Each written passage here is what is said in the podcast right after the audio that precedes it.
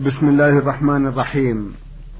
الحمد لله رب العالمين والصلاة والسلام على سيد المرسلين سيدنا محمد وعلى آله وصحبه وسلم. مستمعي الكرام السلام عليكم ورحمة الله وبركاته وأسعد الله أوقاتكم بكل خير. هذه حلقة جديدة مع رسائلكم في برنامج نور على الدرب. رسائلكم في هذه الحلقة نعرضها على سماحة الشيخ عبد العزيز. بن عبد الله بن باز الرئيس العام لإدارات البحوث العلمية والإفتاء والدعوة والإرشاد. شيخ عبد العزيز أولى رسائل هذه الحلقة رسالة وصلت إلى البرنامج من إحدى الأخوات المستمعات تقول الحائرة نون نون من جدة. أختنا تقول في أحد أسئلتها في هذه الرسالة ذات يوم احتجت إلى بعض المال واضطررت إلى السرقة. فسرقت من إحدى الفتيات وتتابع ذلك معي. والآن قد تبت إلى الله وبكيت كثيرا على ما اقترفت يداي. ولا أدري ماذا أفعل وأنا خائفة من عقاب الله وناره خصوصا أنه لا يمكنني رد هذه الأموال لأن أصحابها قد سافروا ولا أعرف أين هم فهل أتصدق بمبلغ يساوي تلك الأموال أم ماذا أفعل؟ بسم الله الرحمن الرحيم. الحمد لله وصلى الله وسلم على رسول الله وعلى آله وأصحابه ومن اهتدى بهداه. أما بعد فهذا المال الذي سرقت من الفتاة وجهلت محلهم الآن عليك أن تصدقي به على الفقراء والمساكين أو في المشاريع الخيرية.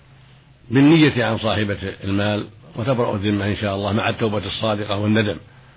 أما إن قدرت على إيصاله إلى الفتاة فعليك ذلك. لكن ما دمت لا تقدرين ولا تعلمين محلهم فالصدقة تكفي مع التوبة الصادقة. نعم. سؤالها الثاني ما حكم إطالة الأظافر للمرأة دون وضع الأصباغ عليها؟ الرسول صلى الله عليه وسلم حدد في قص الشارب وقلم الظهر ونتف الأرض وحلق العانة أربعين ليلة.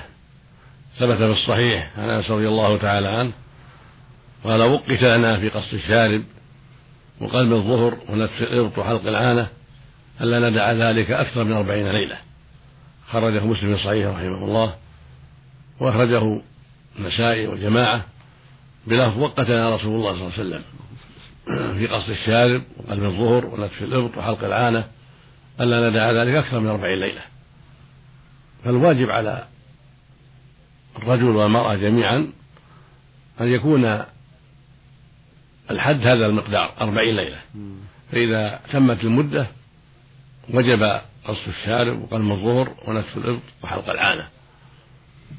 ولا يزاد على ذلك. لا في الأظهار ولا في الشارب ولا في حلق العانة ولا في نتف الإبط. نعم. بارك الله فيكم. إذا إبقاء النساء لأظافرهن حتى تطول سماحة الشيخ وإن كان للزينة طبعا هذا لا يجوز. لا يجوز. ما زاد ما زاد على أربعين لا يجوز. بارك الله فيكم.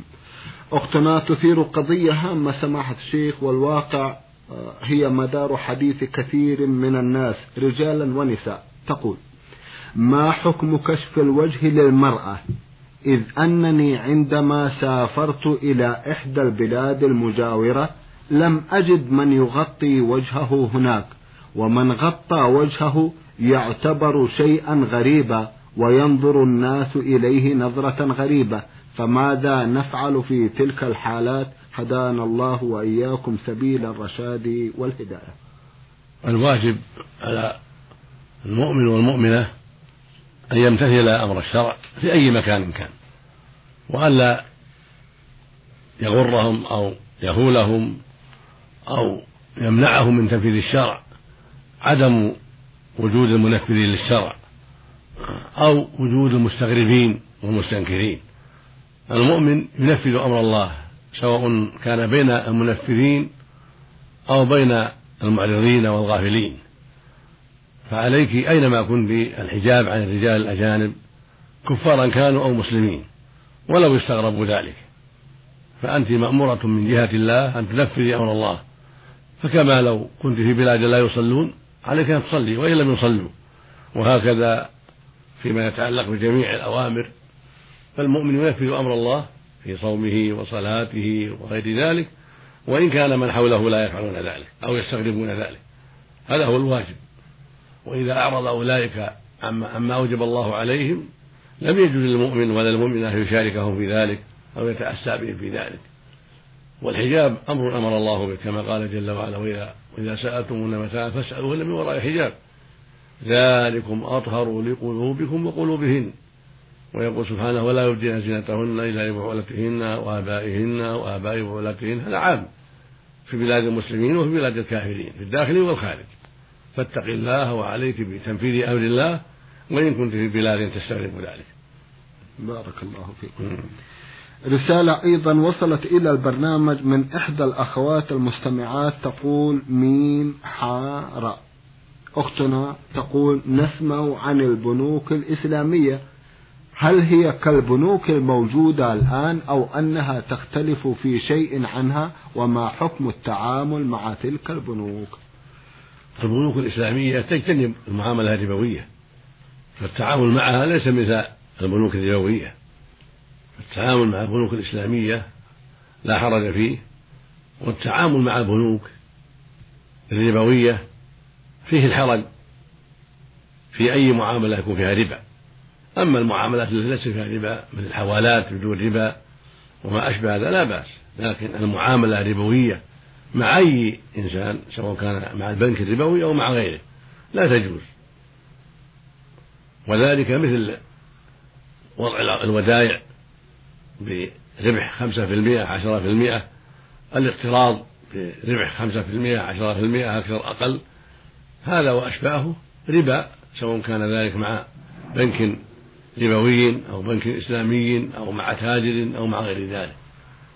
فالبنوك الإسلامية التي تعتمد شرع الله التعامل معها طيب وفيه عون لها على سيرها في هذا السبيل. والتعاون مع البنوك الربوية بالربا أمر لا يجوز وهكذا مع غير البنوك كالتجار والأفراد لا يجوز التعاون بالربا أبدا مع أي أحد. أما البنوك الإسلامية فالواجب تشجيعها والعناية بها والواجب على القائمين عليها أن يحذروا كل ما يتعلق بالربا وأن يكونوا محققين لما نسبوا إليه بنوكهم. من كونها إسلامية وأن يحذروا التساهل في ذلك. نعم. بارك الله فيكم. آه، سماحة الشيخ يثير الناس آه، قولهم إن هذه البنوك لا تستغني هي أيضا عن التعامل مع تلك البنوك الربوية. أما ما طعنا عليه فالذي يظهر منهم أنهم يتحرجون من ذلك ويبتعدون عن الربا. أما ما يخفى فالله جل وعلا هو الذي يعلم سبحانه وتعالى. لكن البنوك الإسلامية لها أعداء ولها خصوم لا يصدقون عليها. أيوة. فالواجب تشجيعها والعناية بها والواجب على القائمين عليها أن يبتعدوا عن كل شبهة حتى لا يجد خصومهم سبيلا إلى الطعن في أعمالهم. بارك الله فيكم. لكن فيما إذا كان تعاملها مع البنوك الأخرى سماحة الشيخ في غير شؤون الربا كالحوالات وما أشبه. ما في لا حرج فيها. لا حرج فيها. آه سماحة الشيخ وقد تفضلتم بإثارة قضية الاقتراض من البنوك والفوائد عليها. هل هناك فرق بين الاقتراض للاستثمار والاقتراض للاستهلاك؟ لا فرق في ذلك. لا فرق. إذا اقترض للاستثمار أو للاستهلاك على وجه الربا فقد أتى الربا. سواء كان ذلك القرض سوف يستثمره في أعمال أخرى أو كان لحاجته. كله كله ربا كله ممنوع. نعم. الله بارك الله فيكم. أختان نعمل ببلد عربي. فكونا أن نرد شيئا لوالدينا المسنين من تضحياتهم العظيمة في تربيتنا وتعليمنا.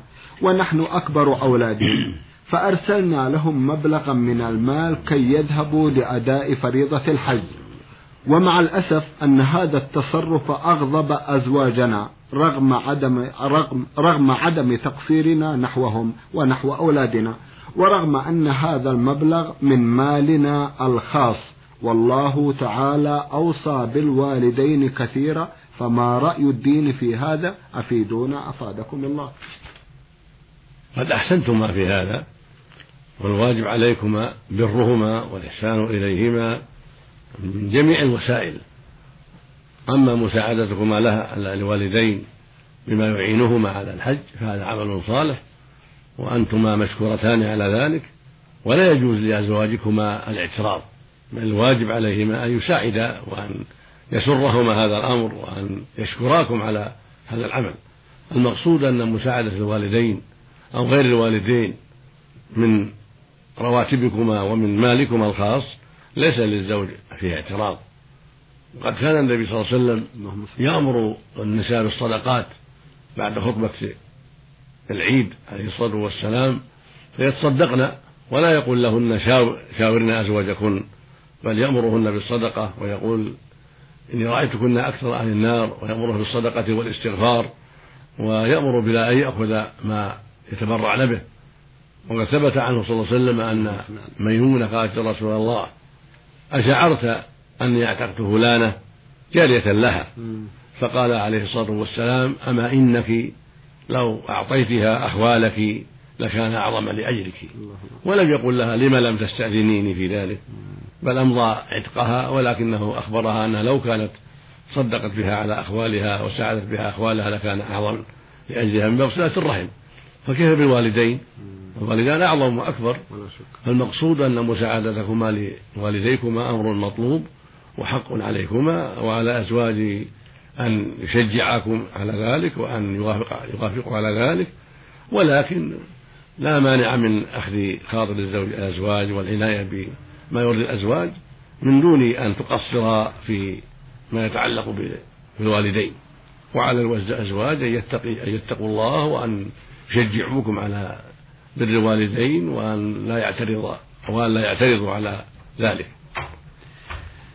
هنا رسالة وصلت إلى برنامج من إحدى الأخوات المستمعات تقول أم رامز أيضا تثير مشكلة عمل المرأة والراتب وما يقع بين الأزواج حول هذا سماحة الشيخ فتقول تعاقد زوجي وسافر للعمل في بلد عربي وتركني مع الأولاد.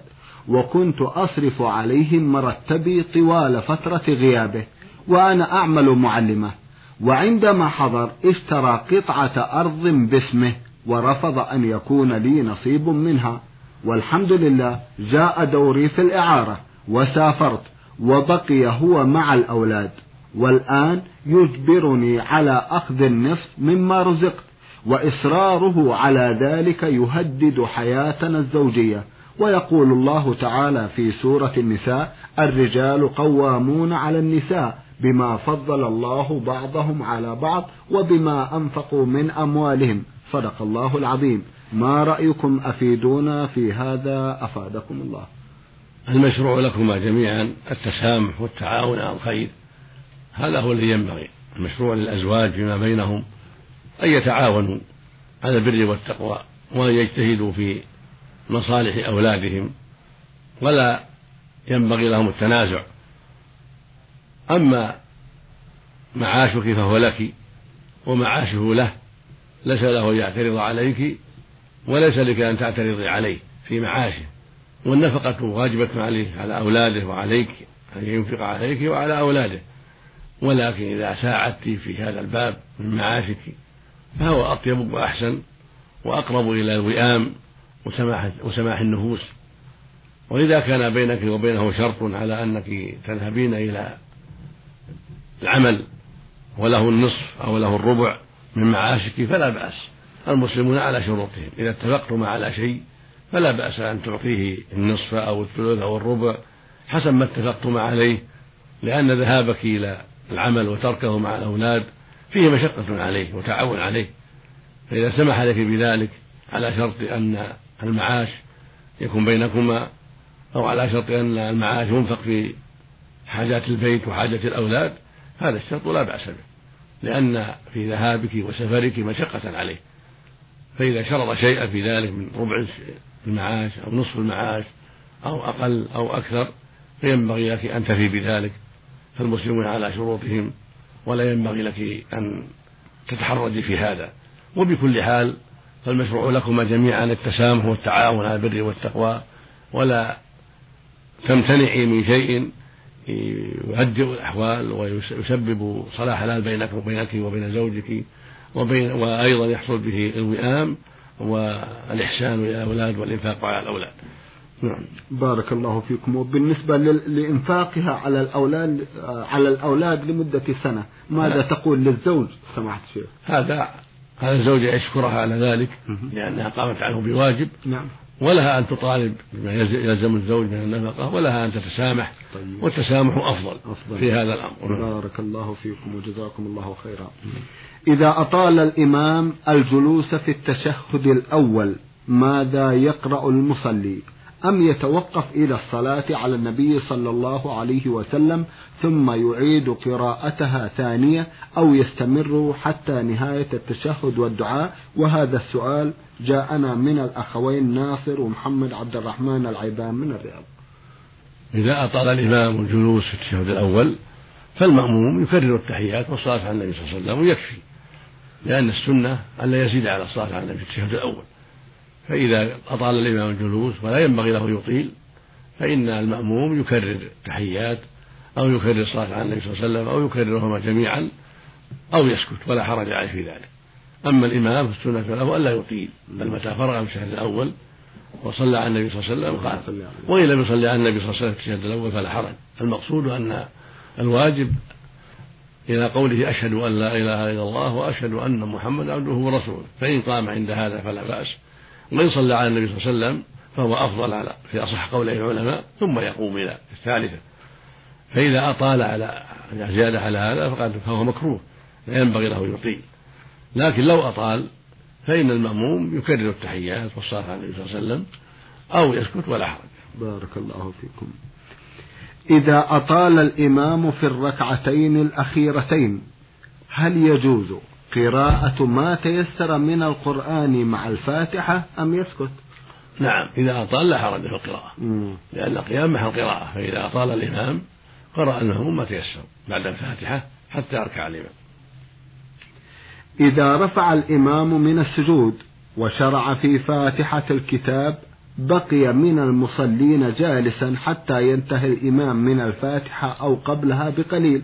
من الممكن أن يكون مريضا أو متعمدا. ما الحكم في ذلك؟ إن كان مريضا يشق عليه القيام ويستعين بهذا على بقية القيام فلا حرج في ذلك. أما إن كان يتعمد ويتكاسل فلا يجوز. الواجب عليها القيام والمسارعة إلى القيام مع إمامه. إلا إذا كان أراد جلسة الاستراحة وهي جلسة خفيفة قليلة فلا بأس بذلك. يجلس قليلا كما يجلس بين السجدتين ثم ينهض ولا يطيل. أما يطيل حتى يقارب الإمام الفاتحة أو نصف الفاتحة فهذا لا ينبغي.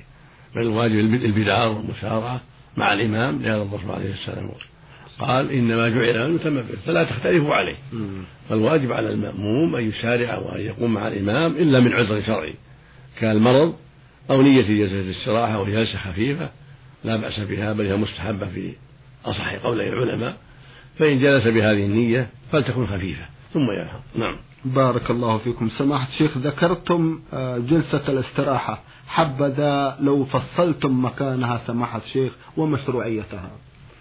جلسة الاستراحة هي جلسة خفيفة. بعد الأولى من الصلوات الخمس أيوة. وبعد الثالثة في الرباعية الظهر والعصر والعشاء. كان الرسول يفعلها عليه الصلاة والسلام كما ثبت ذلك في حديث مالك بن حويرث وفي حديث أبي حميد الساعدي واختلف العلماء في ذلك. فمنهم من جعلها سنة دائمة في الصلاة ومنهم من جعلها في حق سنة في حق المريض وكبير السن وحمل وحملوا الأحاديث الواردة في ذلك على هذا المعنى. والأرجح والأصوب أنها سنة مطلقة لأن الثابت عن النبي صلى الله عليه وسلم أنه كان يفعلها. فهي سنة لكنها جلسة خفيفة. مثل الجلسة بين السجدتين من دون ليس فيها ذكر ولا دعاء الجلسة خفيفة ثم ينهض. نعم. بارك الله فيكم. من القصيم العين وصلت رسالة من إحدى الأخوات المستمعات تقول دال ميم عين. أختنا لها ما يقرب من ثمانية أسئلة. في سؤالها الأول تقول ما حكم قص شعر مقدمة الرأس بالنسبة للمرأة؟ لا نعلم في ذلك بأسا. وإذا كان لها زوج فعليها أن تستشير الزوج لئلا يكره ذلك منها. طيب. التخفيف في الشعر لا بأس به. بشرط أن لا يكون هذا لقصد مشابهة الكافرات وبشرط أن لا يكون ذلك لمخالفة الزوج إذا كان لها زوج بل ينبغي لها أن تنصاع للزوج وتستشيره في ذلك.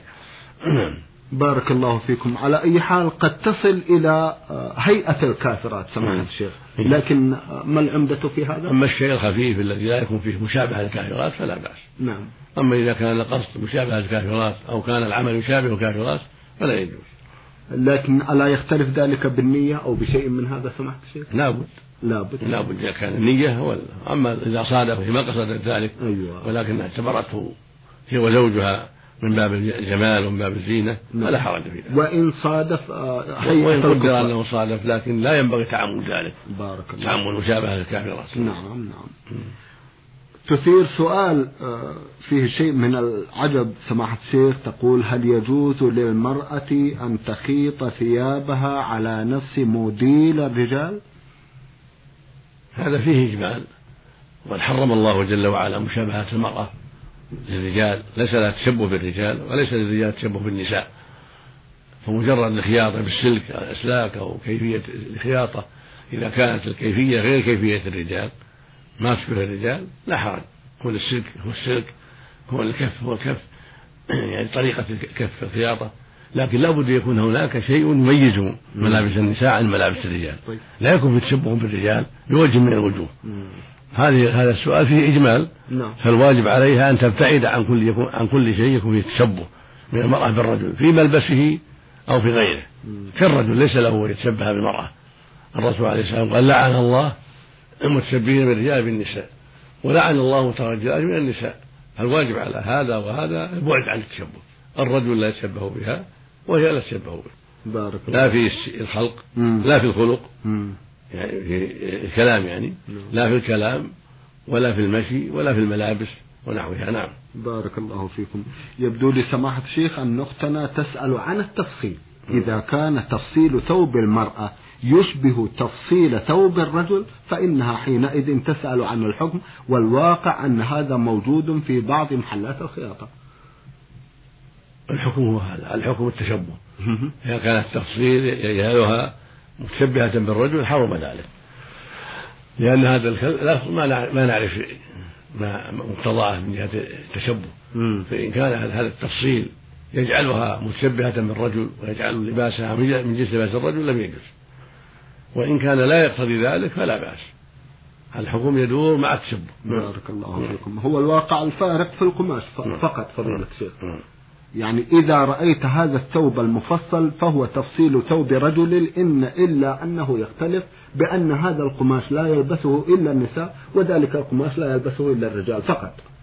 ما ما نعلم شيء يعني واضح في هذا. أيوة. نعم. المهم أنها لا يكون المهم انه لا يكون مشبها للرجل.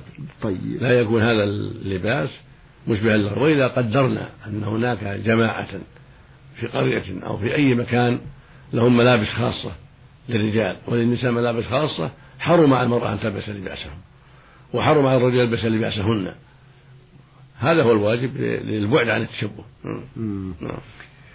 هل يجوز إزالة الشعر الذي بين الحاجبين؟ ليس من الحاجبين هذا ليس من الحاجبين.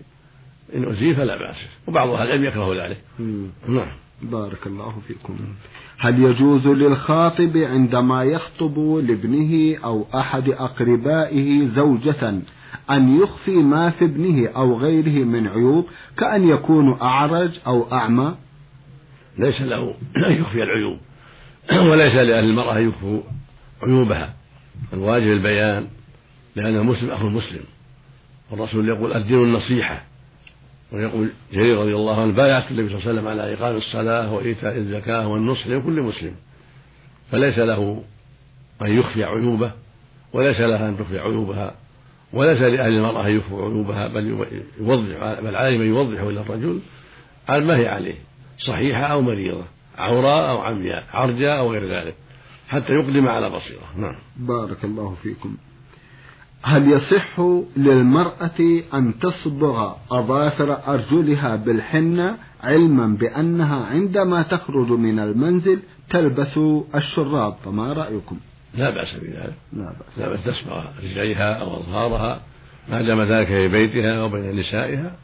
وإذا كان عند الرجال تلبس الجوارب لا بأس. نعم من ماذا خلق الملائكة؟ من النور ثبت عن رسول الله صلى الله عليه وسلم قال خلقت الملائكة من النور. وخلق الجان المارد من النار وخلق آدم مما وصف لكم من الطين. هكذا جاء الحديث عن رسول الله صلى الله عليه وسلم رواه مسلم في الصحيح من حديث عائشة رضي الله عنها. نعم. سماحة الشيخ في ختام هذا اللقاء أتوجه لكم بالشكر الجزيل بعد الله سبحانه وتعالى على تفضلكم بإجابة السادة المستمعين. وآمل أن يتجدد اللقاء وأنتم والمستمعون على خير إن شاء الله مستمعي الكرام كان لقاؤكم في هذه الحلقة مع سماحة الشيخ عبد العزيز بن عبد الله بن باز الرئيس العام لإدارات البحوث العلمية والإفتاء والدعوة والإرشاد. من الإذاعة الخارجية سجلها لكم زميلنا مطر محمد الغامدي. شكرا لكم جميعا وسلام الله عليكم ورحمته وبركاته.